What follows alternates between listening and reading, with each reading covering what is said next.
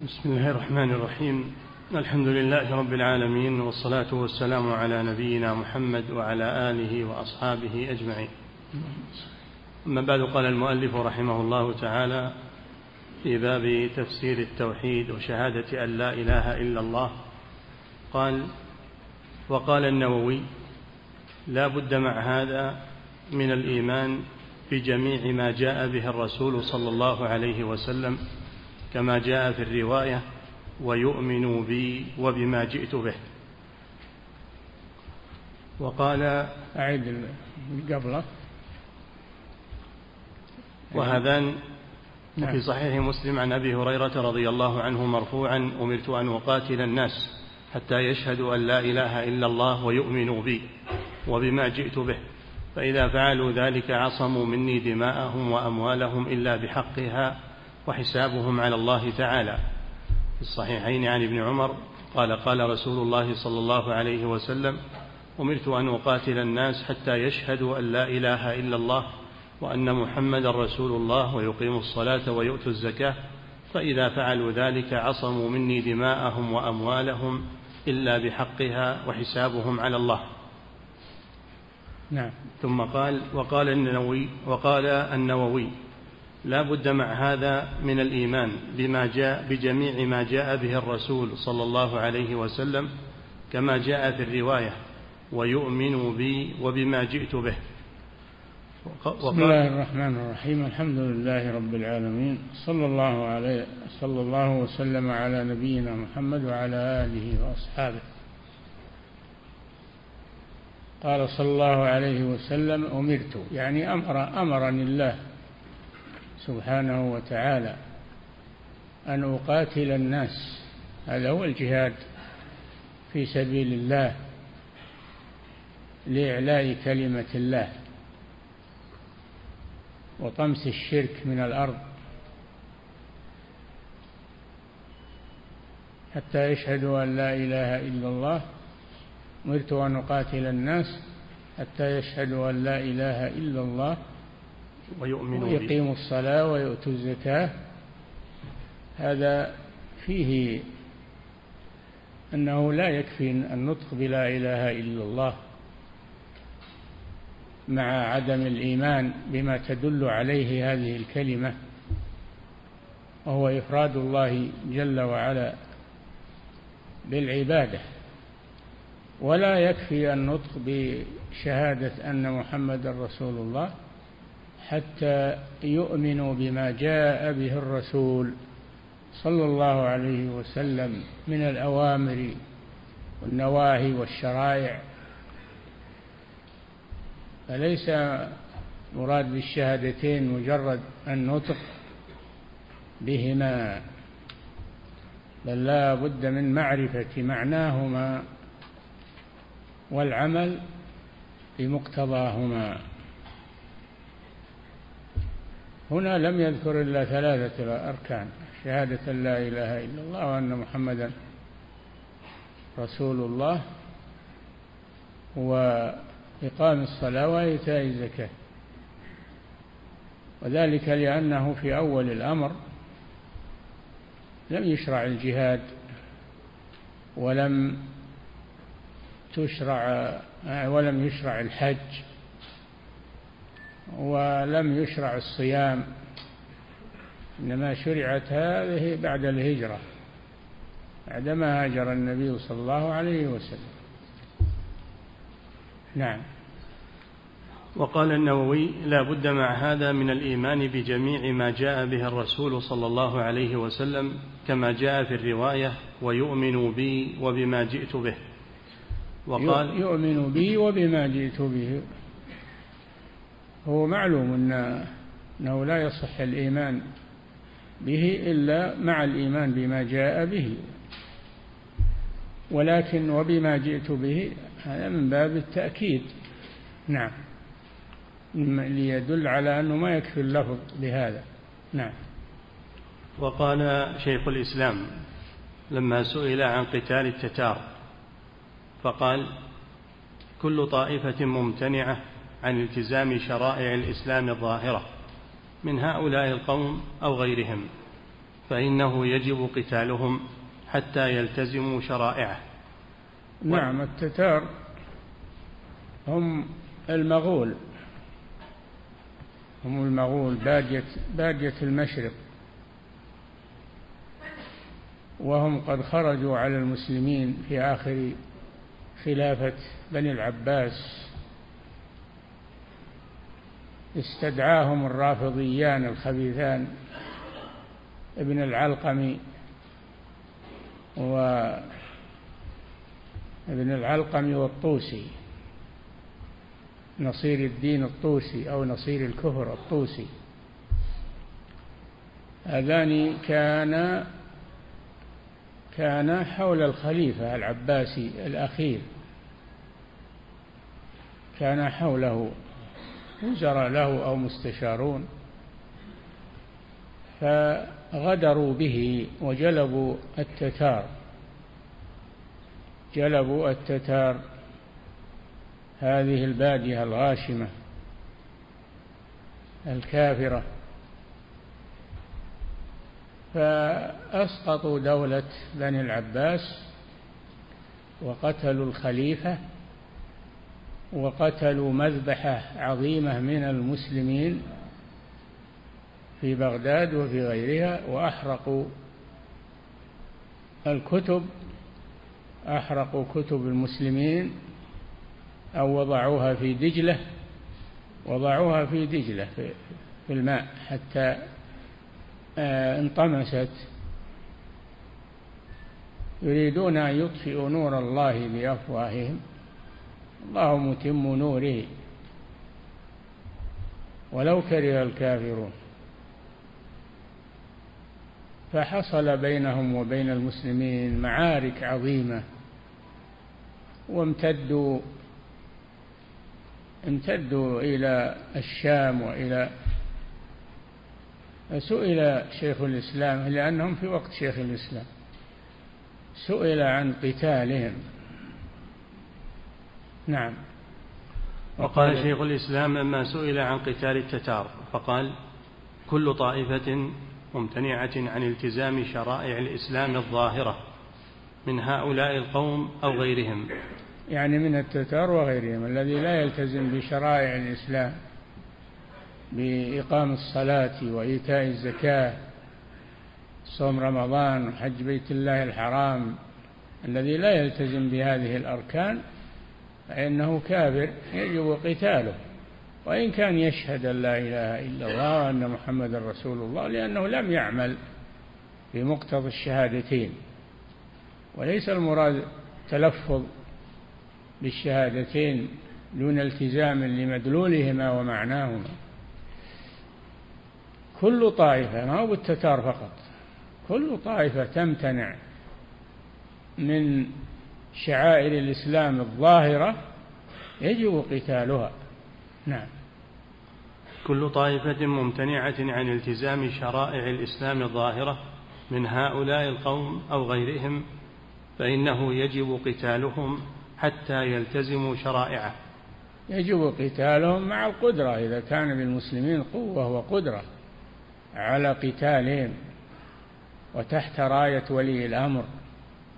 فإنهم يقاتلون قتال المرتدين.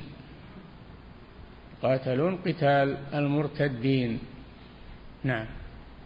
فإنه يجب قتالهم حتى يلتزموا شرائعه وإن كانوا مع ذلك وإن كانوا مع ذلك ناطقين بالشهادتين. ما يكفي النطق بالشهادتين مع ترك أركان الإسلام الظاهرة.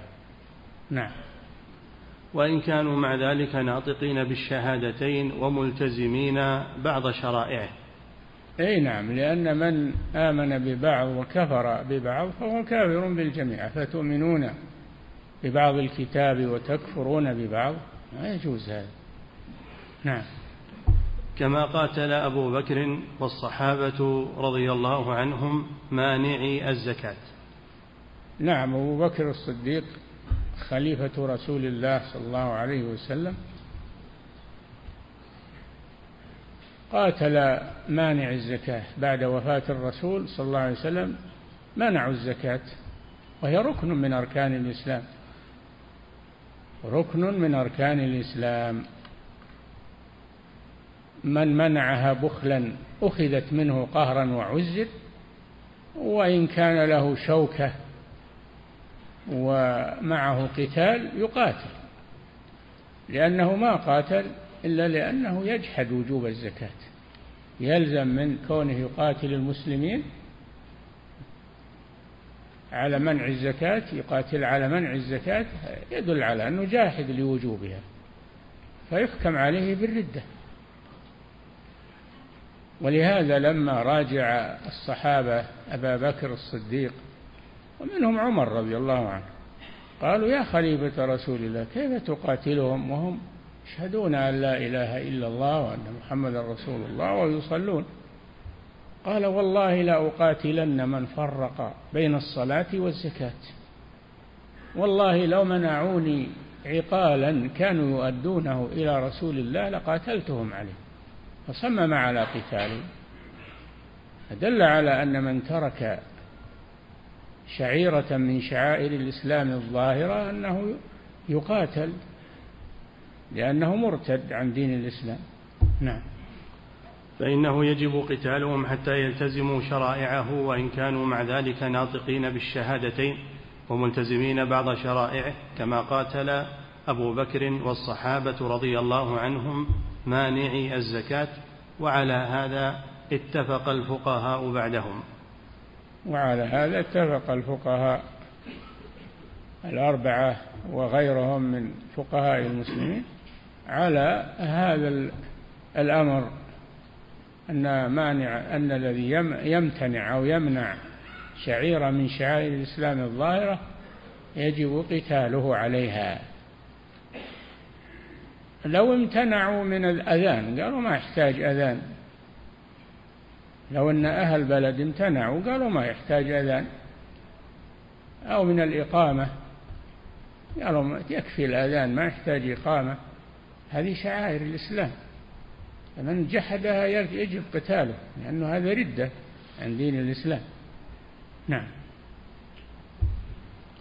قال فأيما طائفة امتنعت عن بعض الصلوات المفروضات نعم. أو الصيام أو الحج أو عن التزام تحريم الدماء أو الأموال أو الخمر أو الميسر أو نكاح ذوات المحارم أو عن التزام جهاد الكفار أو غير ذلك من التزام واجبات الدين ومحرماته التي لا عذر لأحد في جحودها أو تركها التي يكفر الواحد بجحودها فإن الطائفة الممتنعة تقاتل عليها وإن كانت مقرة بها.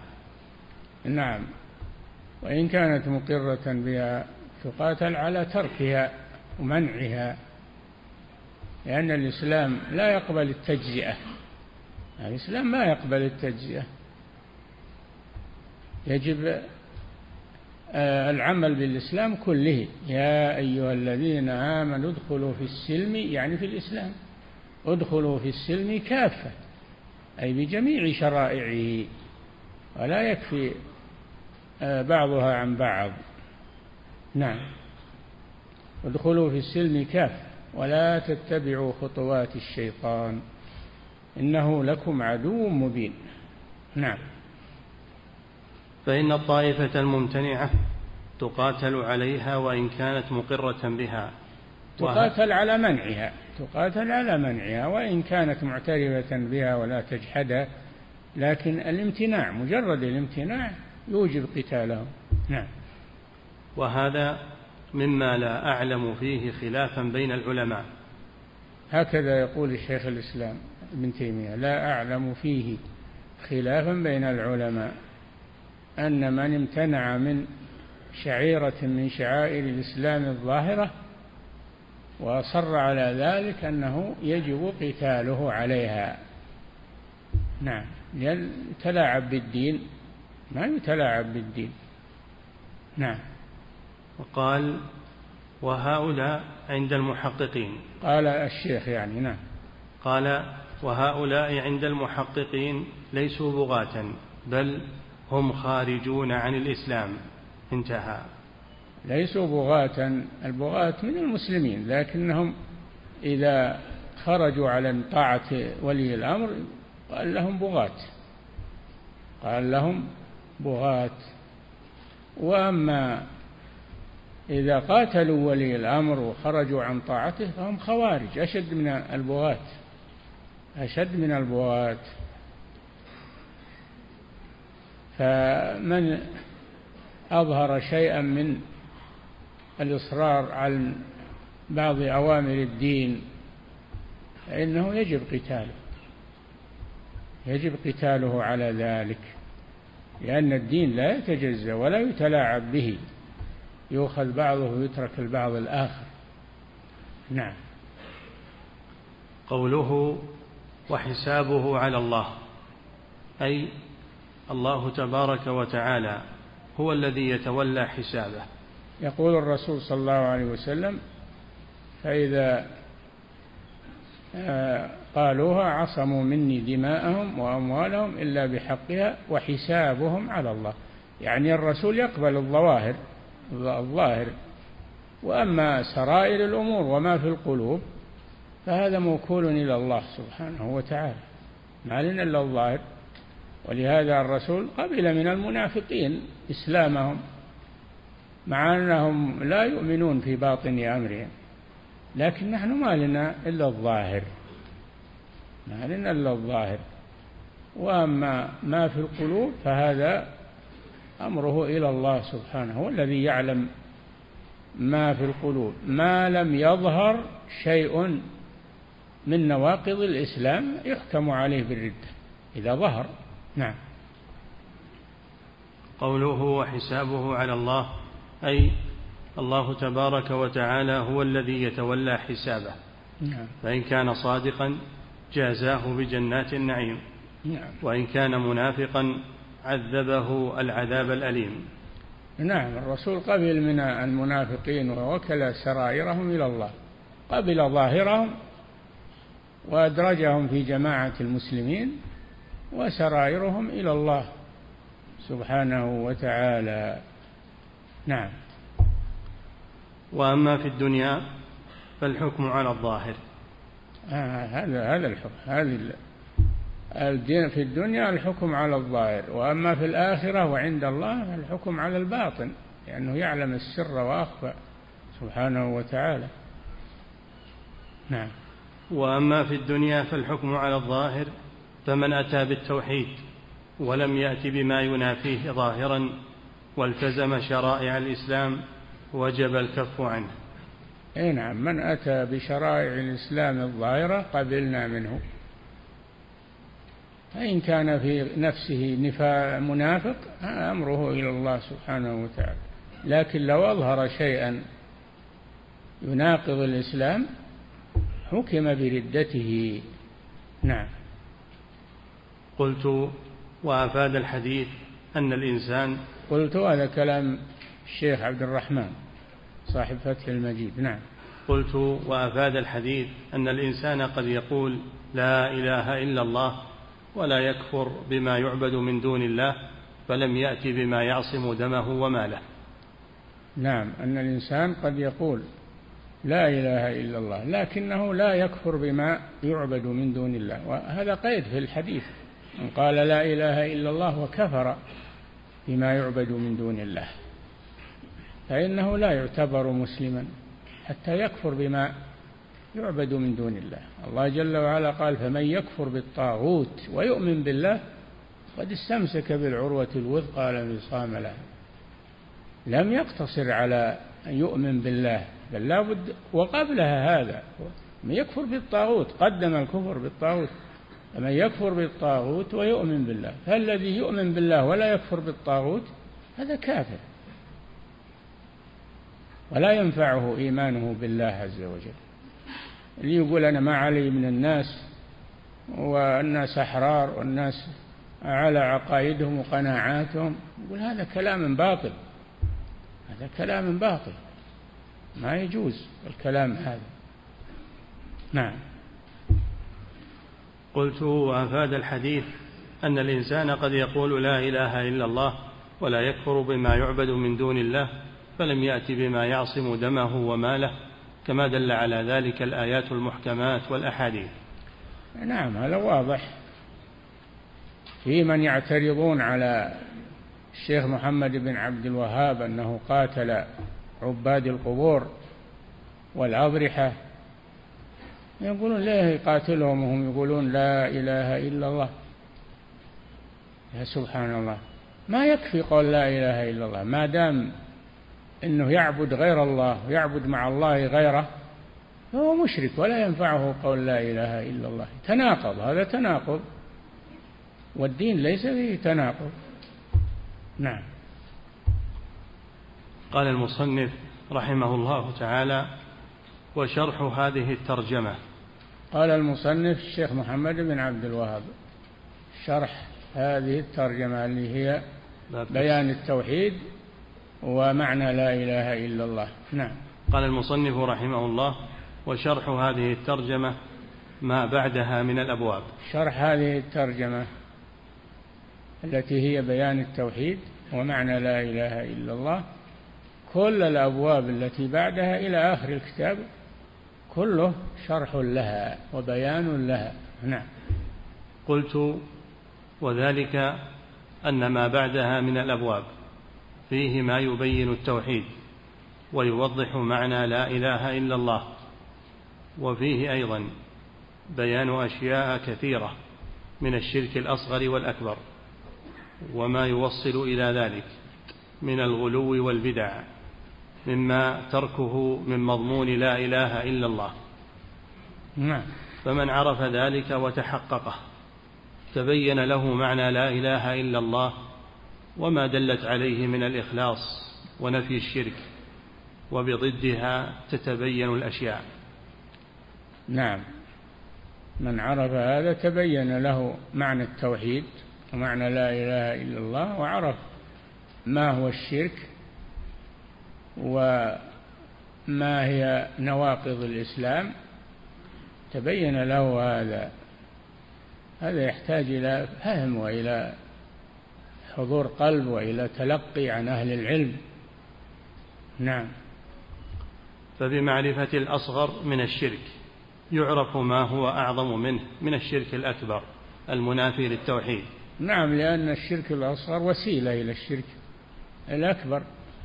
ويجر إليه فلا يتساهل في الشرك الأصغر ويقال هذا لا يضر بل ينهى عن الشرك بنوعيه الشرك الأكبر والشرك الأصغر. ولهذا خافه النبي صلى الله عليه وسلم على خيار الصحابة.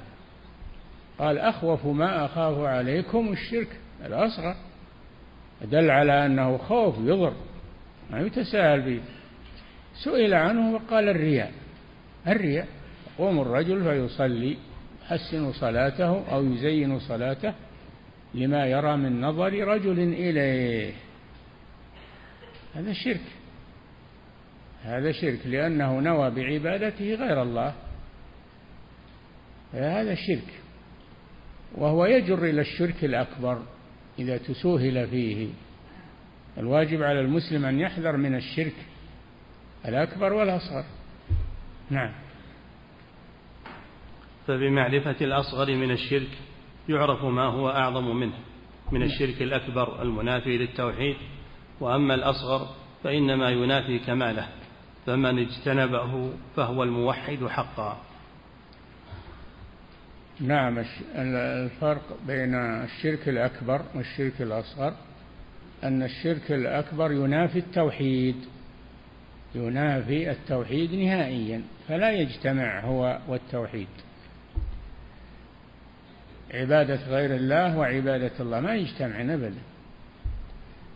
فالشرك الأكبر ينافي التو... الشرك الأك... الشرك الأكبر ينافي التوحيد ويناقضه. الشرك الأصغر ينافي كمال كمال التوحيد. ما ينافي التوحيد أصله لكن ينافي الكمال التوحيد. نعم. وأما الأصغر فإنما ينافي كماله فمن اجتنبه فهو الموحد حقا. من اجتنب الشرك الأكبر والأصغر فهو الموحد حقا.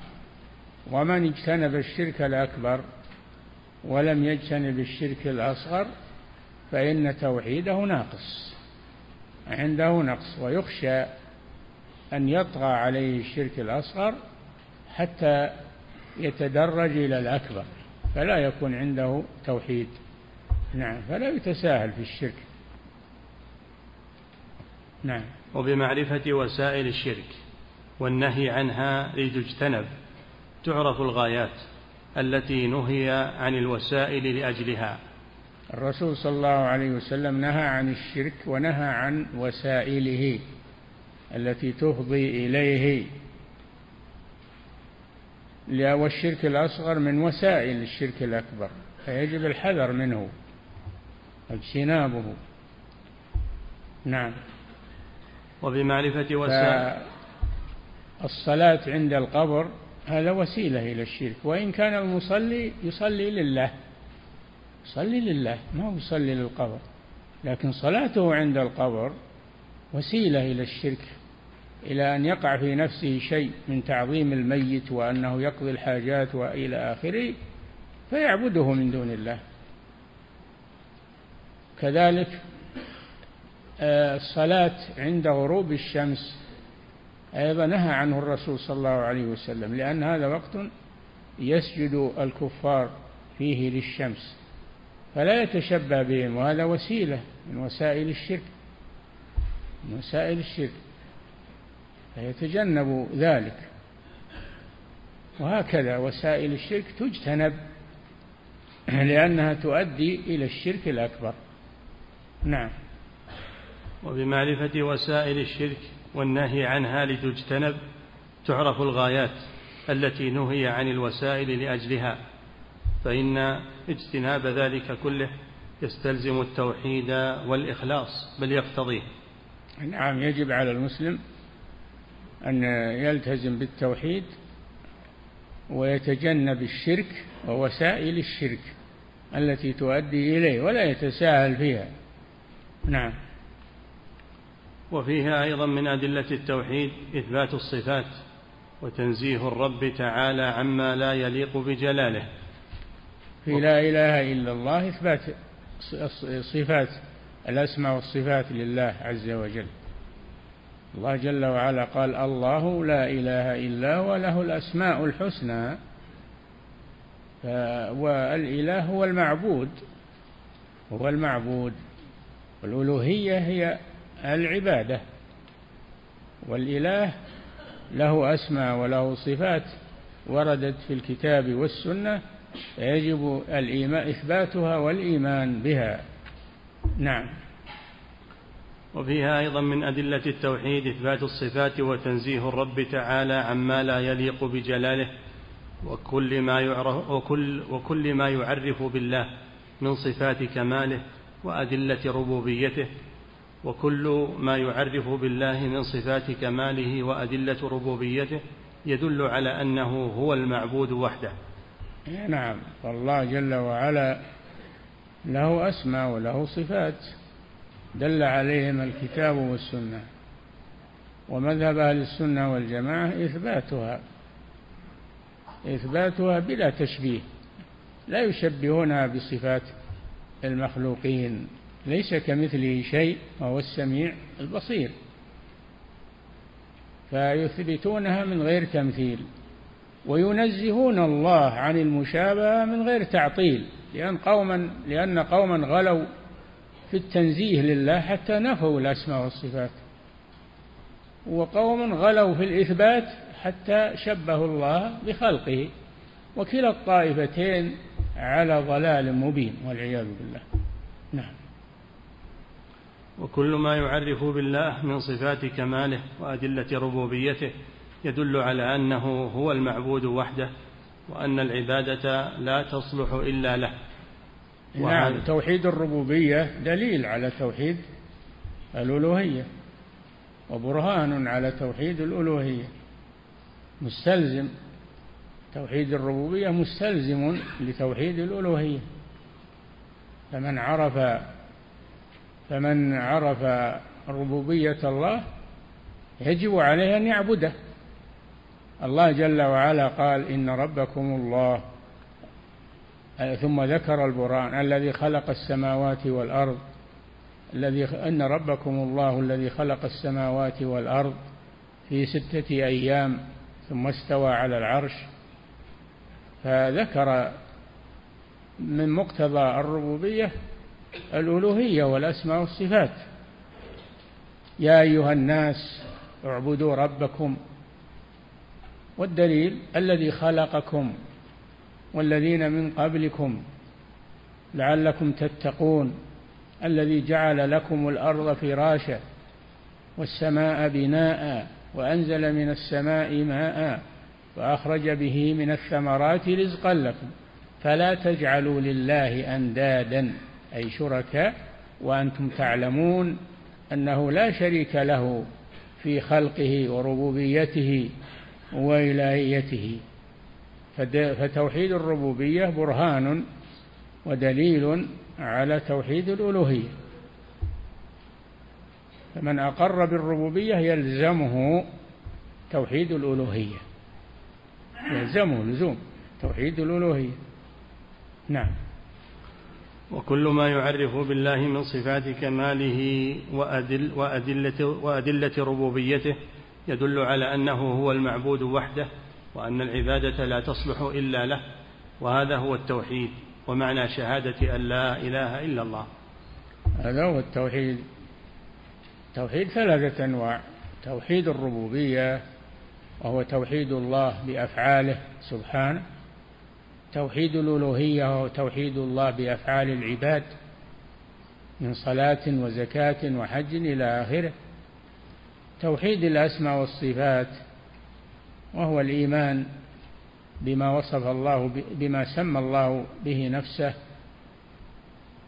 أو سماه به رسوله وإثبات الصفات التي وصف الله بها نفسه ووصفه بها رسوله من غير تعطيل ومن غير تشبيه.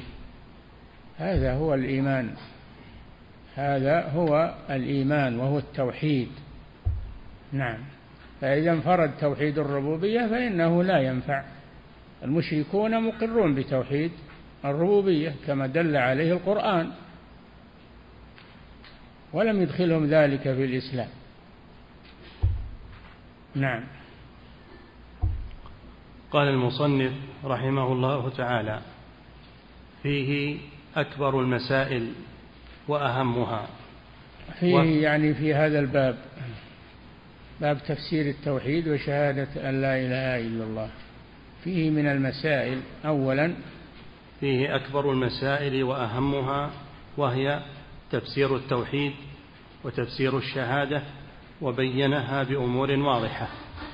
أي نعم من قال لا إله إلا الله وكفر بما يعبد من دون الله من قال لا إله إلا الله خالصا من قلبه وهكذا. فلا يكفي النطق بالشهادة حتى يلتزم بمدلولها ومعناها ويؤمن به. نعم. وهي تفسير التوحيد وتفسير الشهادة وبينها بأمور واضحة منها آية الإسراء بين فيها الرد على المشركين الذين يدعون الصالحين. ففيها بيان أولئك الذين يدعون آية الإسراء. أولئك الذين يدعون أي يدعوهم المشركون. يبتغون إلى ربهم الوسيلة ويرجون رحمته ويخافون عذابه. هذه نزلت في الذين يعبدون الملائكة. الله أخبر أن الملائكة عباد لله. يرجون رحمته ويخافون عذابه. فهم عباد لله. كيف يعبدون؟ مع الله سبحانه وتعالى. هم فقراء إلى الله يرجون رحمته ويخافون عذابه لا يصلحون للعبادة. نعم. منها آية الإسراء بين فيها الرد على المشركين الذين يدعون الصالحين ففيها بيان أن هذا هو الشرك الأكبر.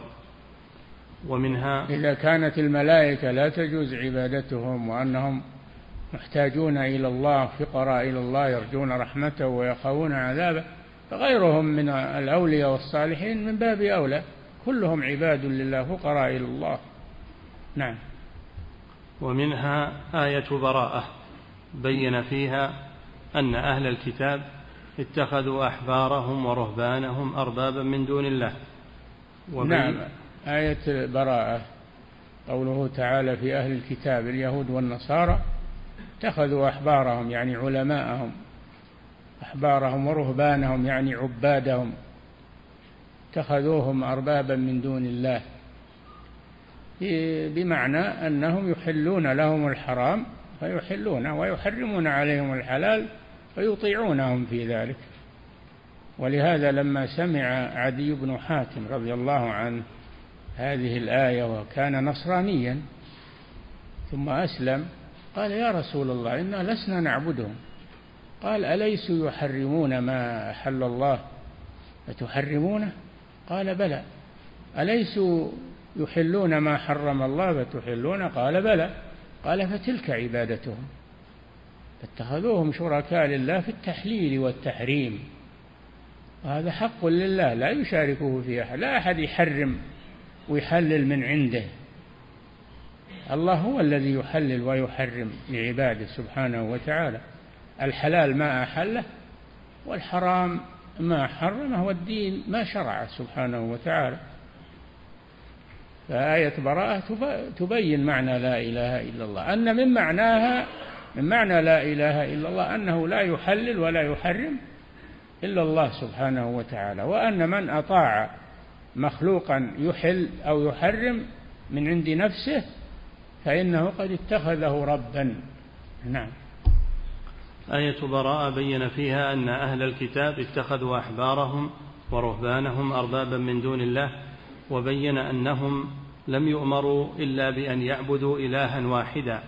وما أمروا إلا ليعبدوا إلها واحدا. فدل على أن من أطاع مخلوقا في تحليل الحرام وتحريم الحلال فقد اتخذه إلها. اتخذه إلها نعم. مع أن تفسيرها الذي لا إشكال فيه طاعة العلماء والعباد في المعصية. هم هم الأحبار والرهبان. الأمراء والعباد في المعصية. طاعتهم في المعصية. ما طاعتهم بالمعروف قد أمر الله جل وعلا بها. يا أيها الذين آمنوا اطيعوا الله وأطيعوا الرسول وأولي الأمر منكم. وأولي الأمر يشمل الأمراء ويشمل العلماء لأنهم من أولي الأمر. فيطاعون فيما فيما يوافق كتاب الله وسنة رسوله ويعصون فيما خالف الكتاب والسنة. لا طاعة لمخلوق في معصية الخالق. وإن كان أميرا وإن كان عالما وإن كان عابدا لا يطاع في معصية الله. نعم.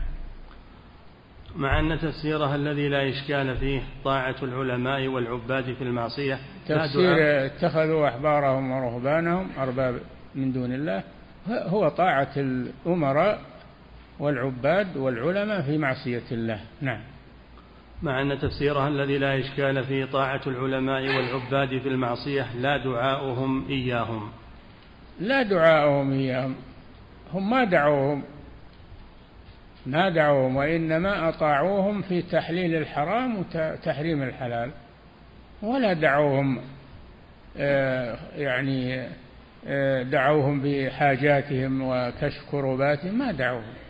لكن لما أطاعوهم في التحليل والتحريم وهم يعلمون أنهم قد أحلوا ما حرم الله وحرموا ما أحل الله لما أطاعوهم اتخذوهم أربابا من دون الله. هذا نوع من الشرك. نعم. وهو شرك الطاعة. نعم.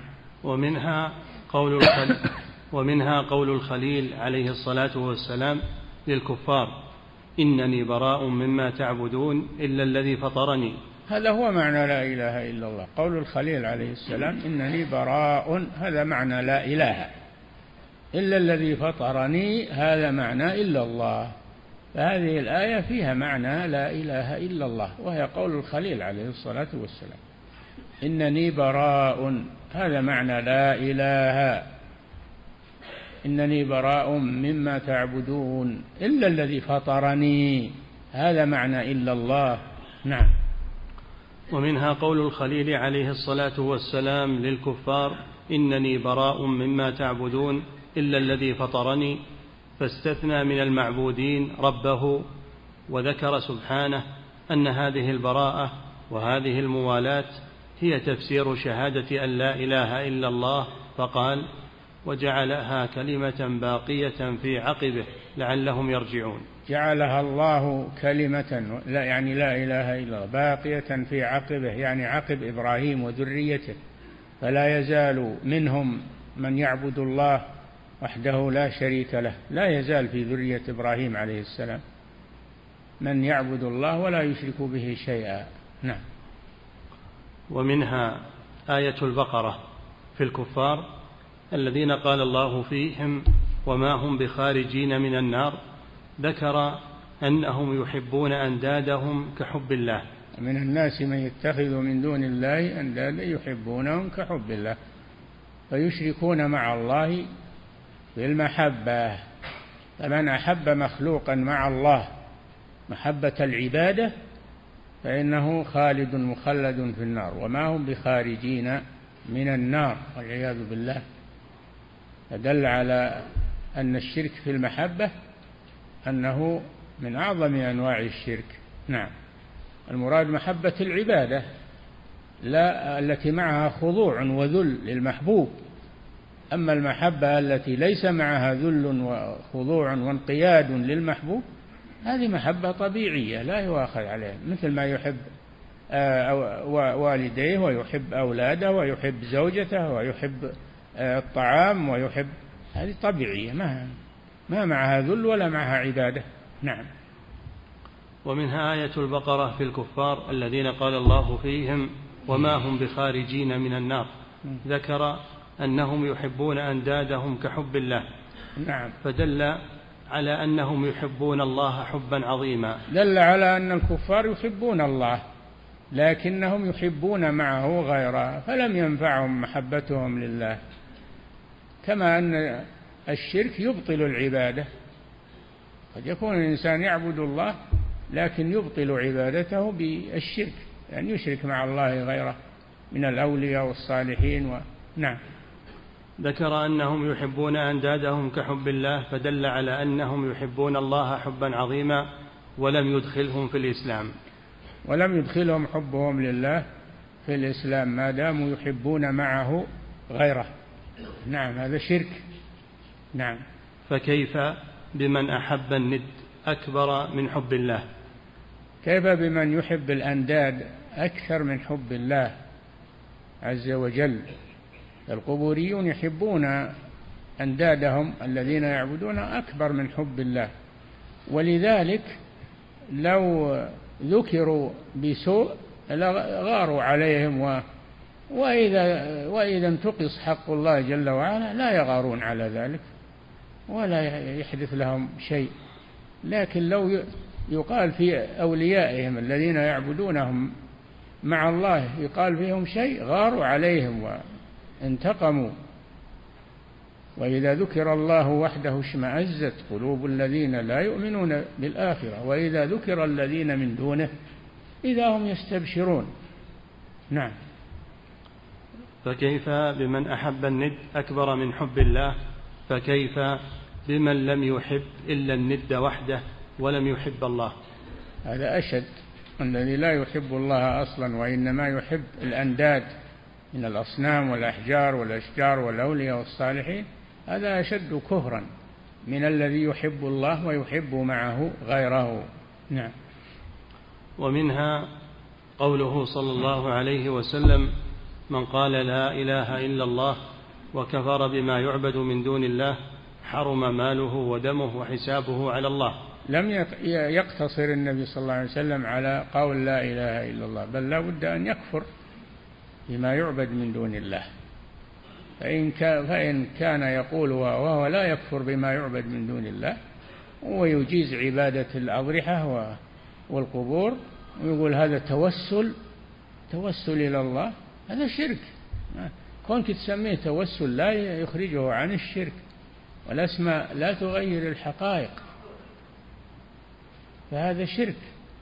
والذي يقول لا إله إلا الله وهو يعبد الأولياء والصالحين هذا لم يقلها بصدق ولم يكفر بما يعبد من دون الله ولو يقولها الليل والنهار ما تنفع ما تنفع حتى يكفر بما يعبد من دون الله ويعتقد بطلانه يتجنبه وينهى عنه. نعم. ومنها قوله صلى الله عليه وسلم من قال لا إله إلا الله وكفر بما يعبد من دون الله حرم ماله ودمه وحسابه على الله. فدل على أن الذي يقول لا إله إلا الله ولا يكفر بما يعبد من دون الله أنه كافر حلال الدم والمال. نعم. وإن كان يقول لا إله إلا الله. نعم. وهذا من أعظم ما يبين معنى لا إله إلا الله. نعم هذا الحديث أعظم ما يبين معنى لا إله إلا الله أنه ليس المراد مجرد النطق بها بل لا بد من العمل بمقتضاها معرفة معناها والعمل بمقتضاها. نعم ظاهرا وباطنا. نعم. وهذا من أعظم ما يبين معنى لا إله إلا الله فإنه لم يجعل التلفظ بها عاصما للدم والمال. نعم لم يقل من قال لا إله إلا الله عصم مني بل قال وكفر. لا بد من هذا القيد. نعم. بل ولا معرفة معناها مع لفظها. بل لو عرف معناها وعرف آه لو عرف معناها وتلفظ بها ويعرف معناها ولم يعمل بمقتضاها لا تنفعه أيضا. نعم. بل ولا الإقرار بذلك. الإقرار بذلك من غير التزام لا يكفي أيضا. نعم. بل ولا كونه لا يدعو إلا الله وحده لا شريك له. بل ولا كونه لا يدعو إلا الله. إذا إذا كان يقول ما علي من المشركين كيف ما وربما أن لهم قناعتهم ولهم حرية عقيدتهم هذا لم يكفر بما يعبد من دون الله. لم يكفر بما يعبد من دون الله. نعم. بل لا يحرم ماله ولا دمه حتى يضيف إلى ذلك الكفر بما يعبد من دون الله. أي نعم حتى يضيف إلى قول لا إله إلا الله الكفر بما يعبد من دون الله فهي ليست مجرد لفظ نعم. فإن شك أو توقف لم يحرم ماله ودمه. أي نعم اللي يشك في في كفر عباد الأصنام والقبور اللي يشك في هذا كافر إذا شك في هذا. فكيف إذا قال لا ما يخالف؟ هذا كل له عقيدته كل له قناعته. نعم. هذا أشد من الشك. نعم. فهي لها من مسألة ما أعظمها وأجلها. يا لها هذا الحديث. من قال لا إله إلا الله وكفر بما يعبد من دون الله. هذا هو الفيصل بين أهل الحق وأهل الباطل. ممن يقولون لا إله إلا الله. هي مسألة عظيمة لمن تعقلها وانتبه لها. نعم. فيا لها من مسألة ما أعظمها وأجلها ويا له من بيان ما أوضحه. بيان الرسول صلى الله عليه وسلم. من قال لا إله إلا الله وكفر بما يعبد من دون الله حرم دمه وماله. نعم. ويا له من بيان ما أوضحه وحجة ما أقطعها للمنازع. الذي يقول إن لا إله إلا الله يكفي النطق بها ولو لم يكفر بما يعبد من دون الله ولو لم يتبرأ من المشركين ومن الشرك لو لم يتبرأ. ما هو موحد؟ لأنه يقول لا إله يقول ما يكفي قول لا إله إلا الله. ما يكفي هذا؟ الرسول أضاف إلى ذلك قوله وكفر بما يعبد من دون الله. نعم. قال المصنف رحمه الله باب من الشرك لبس الحلقة والخيط ونحوهما لرفع البلاء أو دفعه. يكفي نقف عندها نعم.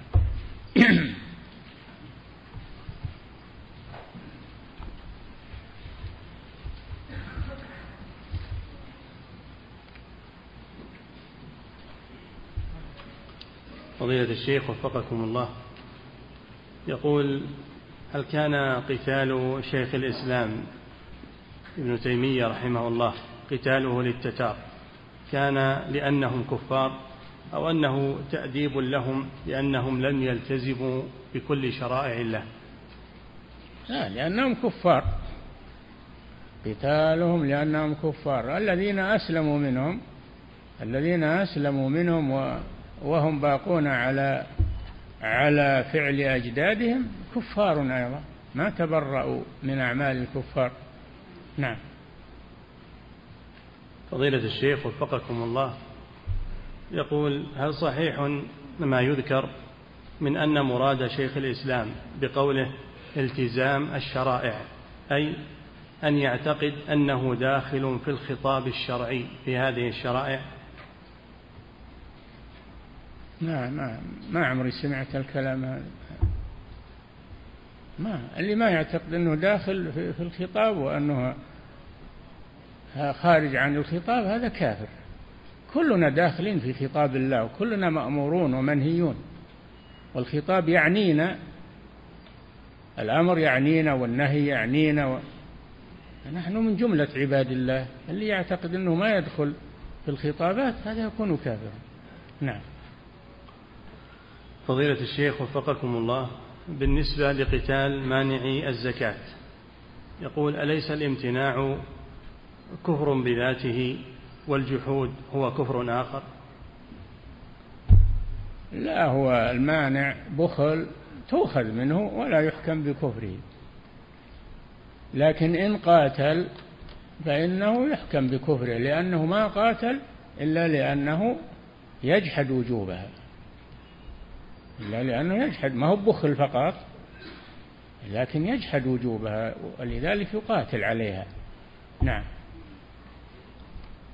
فضيلة الشيخ وفقكم الله يقول في بعض البلاد يمنع أذان الفجر لأنه يزعج السياح. يقول هل يقاتل من أمر بذلك؟ ما شاء الله. يزعج السياح عند الدور رضا السياح ولا رضا الله سبحانه وتعالى. فالواجب على المسلم أن يظهر دينه ولا سيما إذا كان البلد له. ما يناظر للسياح يناظر للدين.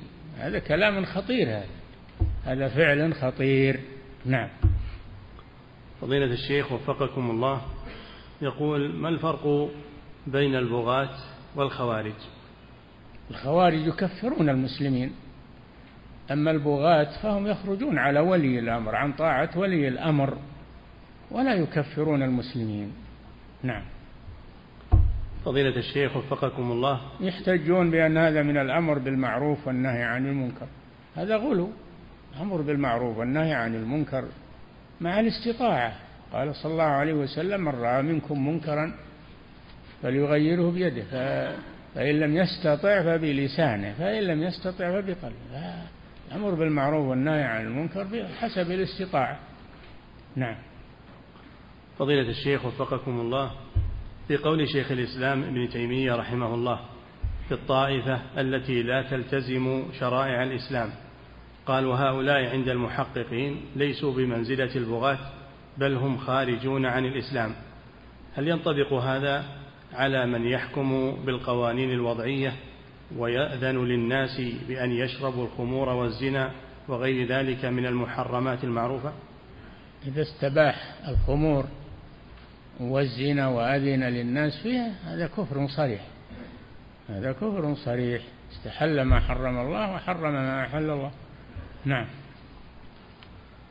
فضيلة الشيخ وفقكم الله يقول هل تقديم فعل معصية من المعاصي؟ لكن قد يكون أنه في البلاد ناس يشربون الخمر من أهل الكتاب أو من الكفار. فهؤلاء إن كان لهم ذمة ولهم عهد لا يقاتلون لكن يلزمون بإخفاء هذا الشيء ولا يظهرونه. يلزمون بإخفائه بينهم ولا يظهرونه. نعم. فضيلة الشيخ وفقكم الله يقول هل تقديم فعل معصية من المعاصي على فعل أمر من أوامر الله يدخل في باب المحبة الشركية. إيش؟ هل تقديم فعل معصية من المعاصي على أمر من أوامر الله يدخل في باب المحبة الشركية؟ يدخل في المعصية. كيف المحبة؟ اللي خالف أمر الله هذا عاصي. والمعصية تختلف من كفر إلى فسق إلى معصية دون ذلك. تختلف المعاصي. نعم. فضيلة الشيخ وفقكم الله يقول الذين يتكلمون على المنابر ضد الحكام ويشوشون عليهم هل يعدون من البغاة أو الخوارج؟ لا يجوز هذا هذا مذهب الخوارج هذا مذهب الخوارج. لا يجوز الكلام في حكام المسلمين حكام المسلمين لا يجوز الكلام فيهم وإن قصروا وإن ما لم يخرجوا عن الإسلام. ما داموا مسلمين وإن عصوا وإن جاروا وإن ظلموا فلا يتكلم فيهم على المنابر أو في الاجتماعات أو لكن يناصحون.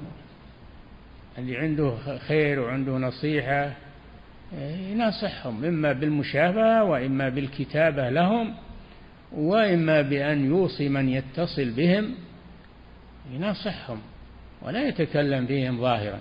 هذا مذهب الخوارج. نعم. فضيلة الشيخ وفقكم الله يقول رجل ذبح لصاحب قبر ثم قال أستغفر الله من ذلك. فهل يعتبر هذا من التوبة ويحكم بأنه مسلم؟ إذا قال أستغفر الله من ذلك هذا هو التوبة. الاستغفار هو التوبة. ونكل امره إلى الله. نقول تاب ونكل امره إلى الله. فضيلة الشيخ وفقكم الله. يقول السائل يقول في بلدنا عالم سلفي يقول بأن من قال لا إله إلا الله ولم يكفر بما يعبد من دون الله فإنها تنفعه كما أنه يعذر الساجد للقبر جهلا ويعذر الجهال من أتباع القاديان. ما هو على مذهب السلف يا أخي أنت تقول أنه على مذهب السلف. مذهب السلف ما هو هكذا. ما يعذر اللي يعبد القبر. ما ما يعذره إلا إنسان إما جاهل وإلا شاك في الكفر. نعم والشاك في الكفر كافر. نعم. فضيلة الشيخ وفقكم الله من يقول بأن عباد القبور بأنهم مسلمون لأنهم جهال وهم يرددون الشهادة دائما. جهال والقرآن يتلى عليهم ويسمعونه. وفيه تحذير من الشرك والوعيد على الشرك والحكم على المشرك لأنه مخلد في النار. ويقول جهال قامت عليه الحجة قامت عليه الحجة بما بلغه من القرآن. وأوحي إلي هذا القرآن لأنذركم به. ومن بلغ؟ ومن بلغه القرآن قامت عليه الحجة. نعم. وهذه أمور ظاهرة ما, ما يعذر فيها بالجهل ظاهرة. والقرآن واضح فيها. الجهل في الأمور التي تحتاج إلى بيان تحتاج من الأمور الخفية الأمور الخفية والمحتملة. بينهما أمور مشتبهات لا يعلمهن كثير من الناس. الأمور المشتبهة الخفية أما الأمور الظاهرة والواضحة هذه ما فيها إشكال. نعم. وهل, وهل هناك أوضح من النهي عن الشرك والتحذير منه ما في أوضح من ذلك. والحكم على أهله؟ نعم. فضيلة الشيخ وفقكم الله. يقول يقوم بعض الشباب بتعليق أعلام الكفار وشعاراتهم على سياراتهم فهل هذا مخل بالتوحيد؟ نسأل الله العافية. ما يجوز هذا. حمل شعار الكفار عليه على صدره أو في ثوبه أو على سيارته أو على بيته هذا لا يجوز. هذا هذا محرم شديد التحريم. فإن كان يعتقد إباحة ذلك ويعظم الكفار ويعظم هذا الشعار فهو كافر. نعم. فضيلة الشيخ وفقكم الله يقول هل يعد الشرك الأصغر من أكبر الكبائر؟ إي نعم أكبر من الكبائر. الشرك الأصغر أكبر من الكبائر لأنه يعني شرك والشرك هو أكبر الكبائر بنوعيه نعم. فضيلة الشيخ وفقكم الله. يقول السائل من كان هل من كان مشركا شركا أصغر؟ يدخل الجنة إذا كانت حسناته أكثر من سيئاته. نعم الشرك الأصغر لا يخرج من الملة. قد يعذب به لكن لا يخرجه من الملة ولا يخلده في النار. اللي يخرج من الملة ويخلد في النار هو الشرك الأكبر. نعم. والشرك الأصغر قل من يسلم منه قل من يسلم الرسول خافه على أصحابه قل من يسلم منه. نعم. فضيلة الشيخ وفقكم الله إذا قال الإنسان لا إله إلا الله واعتقد معناها وكفر بما يعبد من دون الله لكن من غير عمل الجوارح. فهل يعد مسلما؟ ما قال لا إله إلا اللي ما, اللي ما يعمل بالجوارح وش معنى لا إله إلا إلا العمل. العمل بمقتضاها. يكون عالما بمعناها عاملا بمقتضاها. هذا ما عمل بمقتضاها. لكن ان غلب عليه الشهوة والشيطان هذه معصية يتوب إلى الله منها. أما إن كان لا يستحل هذا ويقول ما يخالف أنا أقول لا إله إلا الله يكفي وأفعل ما أريد. نقول لا هذا ما ما قلت لا إله إلا الله. قلتها باللسان ولم تقلها بالقول والعمل. نعم. فضيلة الشيخ وفقكم الله. يقول السائل هل مقاتلة الطائفة الممتنعة عن التزام شرائع الإسلام الظاهرة هو خاص بولي الأمر؟ فلا يقاتلهم إلا هو. كل قتال معلق بولي الأمر ما يجوز إلا تبع ولي الأمر. قتال بدون ولي الأمر هذا فوضى وله قتال وله قتال في سبيل الله. ما أمرنا الله بهذا ما أمرنا الله بهذا. حتى بني إسرائيل قالوا لنبي لهم ابعث لنا ملكا نقاتل في سبيل الله. يكون واحد قائد يملكهم ويقودهم للجهاد. ما راحوا هم وخذوا سيوفهم وراحوا. إيه، ابعث لنا ملكا نقاتل في سبيل الله. نعم.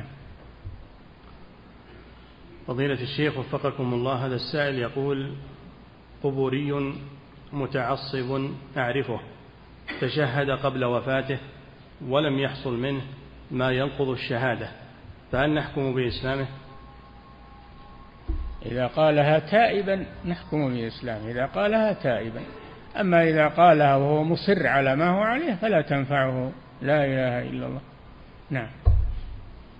فضيلة الشيخ وفقكم الله هذه امرأة تقول امرأة على السنة ولكن زوجها رجل لا يحب السنة ويبغض أهل السنة ويقول دائما الذين قتلوا عثمان ابن عفان رضي الله عنه كانوا على الحق.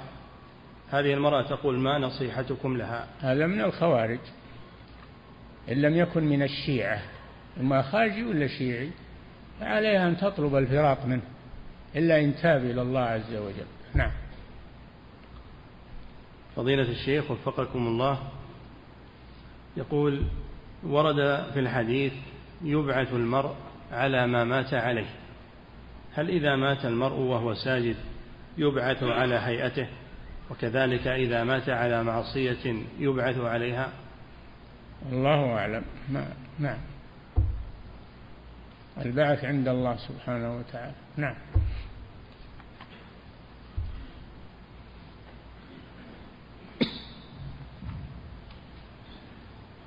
الله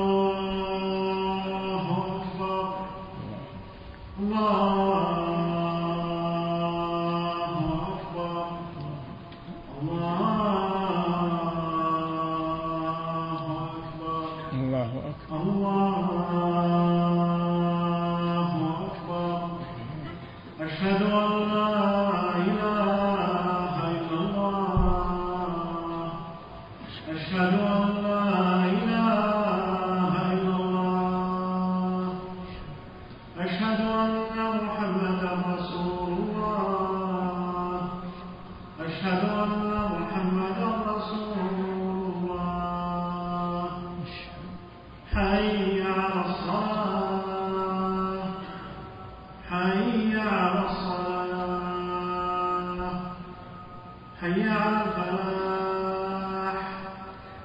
حي على الفلاح.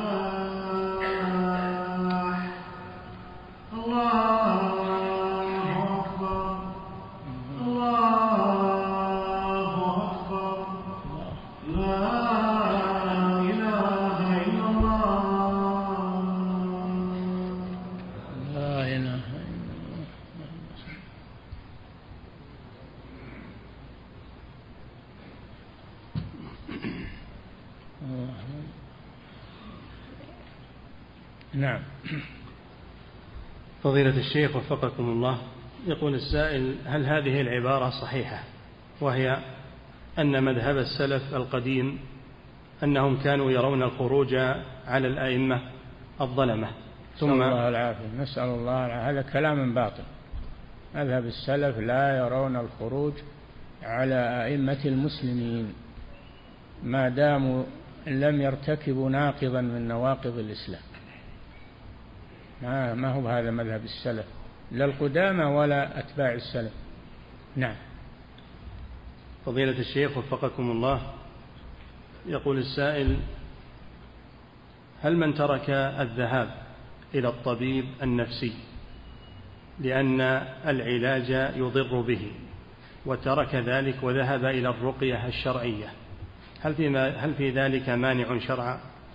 ليس فيه مانع شرع الرقية الشرعية الصحيحة أحسن من العلاج النفسي أحسن ما في شك. نعم. فضيلة الشيخ وفقكم الله يقول ما الضابط الذي يحكم فيه بأن هذا البلد هو من بلاد المسلمين؟ الذي تحكم بشريعة الإسلام. التي تحكم بشريعة الإسلام. نعم. فضيلة الشيخ وفقكم الله يقول السائل جرت العادة في بلدنا أن أئمة المساجد لا يلبسون المشلح أو البشت عند صلاتهم للفروض عدا صلاة الجمعة. يقول عندنا ظهر إمام يلبسه في جميع الفروض فهل يعد هذا من الشهرة أو هو من كمال الزينة؟ أبد يلبس عشرة بشوت ما يخالف. نعم. فضيلة الشيخ وفقكم الله هل يعد الخياط هل يعد أجيرا خاصا؟ وهل يجوز له أن ينيب؟ الخياط اللي أنت مواجر يخيط ثيابك عندك هذا أجير خاص. أما الذي فاتح محل يخيط لك وللناس هذا أجير مشترك. نعم.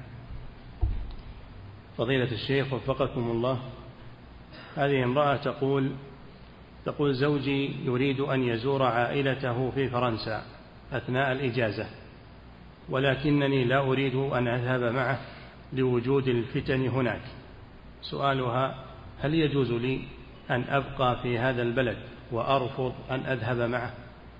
إي نعم إذا كان تخافين على دينك أو على عرضك ابقي في هذا البلد الحمد لله وأنت على أجر إن شاء الله. نعم. وبين المسلمين. نعم. فضيلة الشيخ وفقكم الله يقول كيف الجمع بين ما ورد بقوله سبحانه وتعالى يا أيها الذين آمنوا عليكم أنفسكم وبين ما ورد من الأمر بالمعروف والنهي عن المنكر؟ لا تعارض بينهما. لا تعارض بينهما. أبو بكر الصديق يقول أيها الناس إنكم تحملون هذه الآية أو تستدلون بها على غير مدلولها. وإني سمعت رسول الله صلى الله عليه وسلم يقول إذا رأى, إذا رأى الناس المنكر فلم ينكروه عمهم الله بعقاب من عنده. فما هو معنى عليكم؟ معناه لا شفت الناس فاسدين لا تفسد معهم. إلزم الصلاح وإلزم التقوى وأمر بالمعروف وانهى عن المنكر. إلزم بنفسك الحق والخير وادعو إليه أيضا. ما هو بتسكت؟ نعم. فضيلة الشيخ وفقكم الله يقول هل صحيح بأن الجن كانوا قبل بعثة رسول الله صلى الله عليه وسلم يعلمون شيئا من الغيب بدليل قوله سبحانه عن الجن وأنا كنا نقعد منها مقاعد للسمع ويخبرون بذلك السحرة؟ ما يعلمون الغيب لا يعلم الغيب إلا الله لا الجن ولا غيرهم إلا من أطلعه الله. لكن الجن كانوا يسترقون السمع يستمعون للملائكة والملائكة يتكلمون بما أمر الله به. فهم يسترقون السمع من الملائكة. فلما بعث الرسول صلى الله عليه وسلم حرست السماء بالشهب. وأنا كنا نقعد منها مقاعد للسمع يعني استماع كلام الملائكة. فمن يستمع الآن يجد له شهابا رصدا. هذا عند بعثة الرسول حرست السماء عند بعثة الرسول. قالوا وش اللي حدث؟ ما هذا شيء حدث عجيب. حراسة السماء راحوا يتخبطون ويدورون ولقوا الرسول صلى الله عليه وسلم يدعو في مكة. فرجعوا إلى الشيطان وقالوا وجدنا أن الله بعث محمدا صلى الله عليه وسلم. عرفوا السبب. نعم. فضيلة الشيخ وفقكم الله يقول السائل هل تجوز الصلاة على المنافقين وأن يدفنوا في مقابر المسلمين؟ ما لنا إلا الظاهر إذا أظهروا الإسلام نعم يصلى. الرسول صلى عليهم صلى على ابن أبي وكفنه في ثوبه. لأجل ولده الصالح عبد الله بن أبي عبد الله بن عبد الله بن أبي أعطاه ثوبه صلى الله عليه وسلم. يتألف يتألف الناس عليه الصلاة والسلام. ونحن ما لنا إلا الظاهر. لما قال الله له استغفر لهم أو لا تستغفر لهم إن تستغفر لهم سبعين مرة فلن يغفر الله لهم. قال صلى الله عليه وسلم لو أعلم أني إذا زدت على السبعين يغفر لهم لزدت عليها. من حرصه صلى الله عليه وسلم على الناس وعلى نفع الناس. نعم. فضيلة الشيخ وفقكم الله يقول السائل في بعض المستوصفات والمستشفيات وعند الاستقبال تعلق لوحة فيها هذه الآية وإذا مرضت فهو يشفين هل في ذلك محذور شرعي؟ الله تعليق القرآن على اللوحات وعلى ما شيء لم يفعله السلف ويعرضه للامتهان أيضا. لا أرى تعليق الآيات نعم. لا على السيارات ولا على الجدران ولا على نعم. فضيلة الشيخ وفقكم الله يقول السائل أمر النبي صلى الله عليه وسلم بصيام ثلاثة أيام من كل شهر فهل هي الأيام البيض أو هي غيرها؟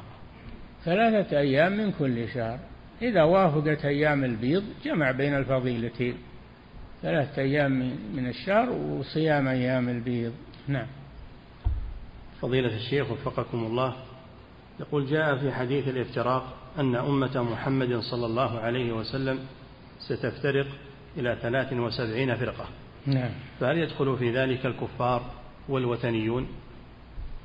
لا كلها في النار. تختلف منها من هو في النار لردته وانحرافه ومنهم من هو في النار لمعصيته وليس لكفره ومنهم من هو في النار لبدعته. يختلفون في هذا. نعم. فضيلة الشيخ وفقكم الله. ثم يقول وهل هذه الثلاث والسبعون فرقة محصورة أم أنها أكثر؟ لا الفرق أكثر لكن هذه أخبر عنها الرسول صلى الله عليه وسلم والعدد يقولون لا مفهوم له. العدد لا مفهوم له. نعم. فضيلة الشيخ وفقكم الله يقول السائل هل يجوز للمسلم إذا دخل المسجد وأراد الجلوس أن يجلس من غير صلاة للتحية؟ هل؟ هل يجوز للمسلم إذا دخل المسجد وأراد الجلوس أن يجلس من غير صلاة للتحية؟ تحية سنة ما تحية المسجد سنة ليست واجبة عند الجمهور. إذا جلس فلا بأس لكن فاته فضيلة فاته فضيلة وأجر. نعم. فضيلة الشيخ وفقكم الله يقول السائل لي أبناء وأعطيت أحدهم ناقة حيث إنه هو الذي يحفظ الإبل الخاصة بي ويقوم عليها دون إخوانه. فهل فعلي هذا صحيح؟ إن كان هذا من باب الإجرة أعطيته الناقة على أنها إجرة لعمله فلا بأس بذلك هذا في مقابل عمل. أما إن أعطيته الناقة أو غيرها من باب المحبة له أو الحيف معه هذا لا يجوز حتى تعطي الآخرين مثله. نعم. فضيلة الشيخ وفقكم الله. يقول رجل يصلي السنة الراتبة سنة الفجر يصليها بالمسجد ثم يصلي بعدها نوافل حتى تقام الصلاة.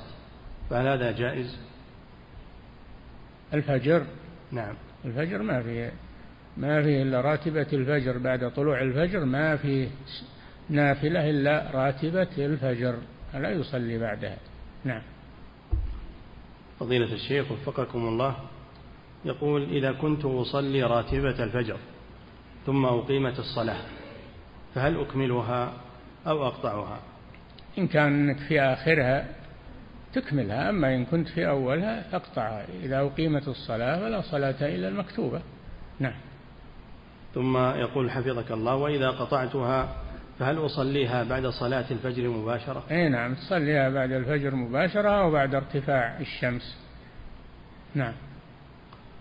فضيلة الشيخ وفقكم الله يقول ما حكم أكل اللحوم التي تأتي من أهل الكتاب وهم مجهول الحال؟ إذا كانوا يذبحونها على الطريقة الشرعية فالله أباح لنا ذبائحهم وأما إذا كانوا يذبحون على غير الطريقة الشرعية وأنت تعلم هذا فلا تحل. المسلم إذا ذبح على غير الطريقة الشرعية لا تحل ذبيحته. وأما ما اللي ما تدري عنه هل هو على الشريعة على التذكية الشرعية أو لا الأولى أن تجتنبه من باب تجنب المشتبهات. نعم. فضيلة الشيخ وفقكم الله هذا سائل من خارج هذه البلاد يقول يقول عندنا في القرية وقبل صلاة الجنازة يكون هناك موعظة وأنا إمام مسجد فإذا لم أقل هذه الموعظة فإنها تكون فتنة ويقوم بها بعض الصوفية.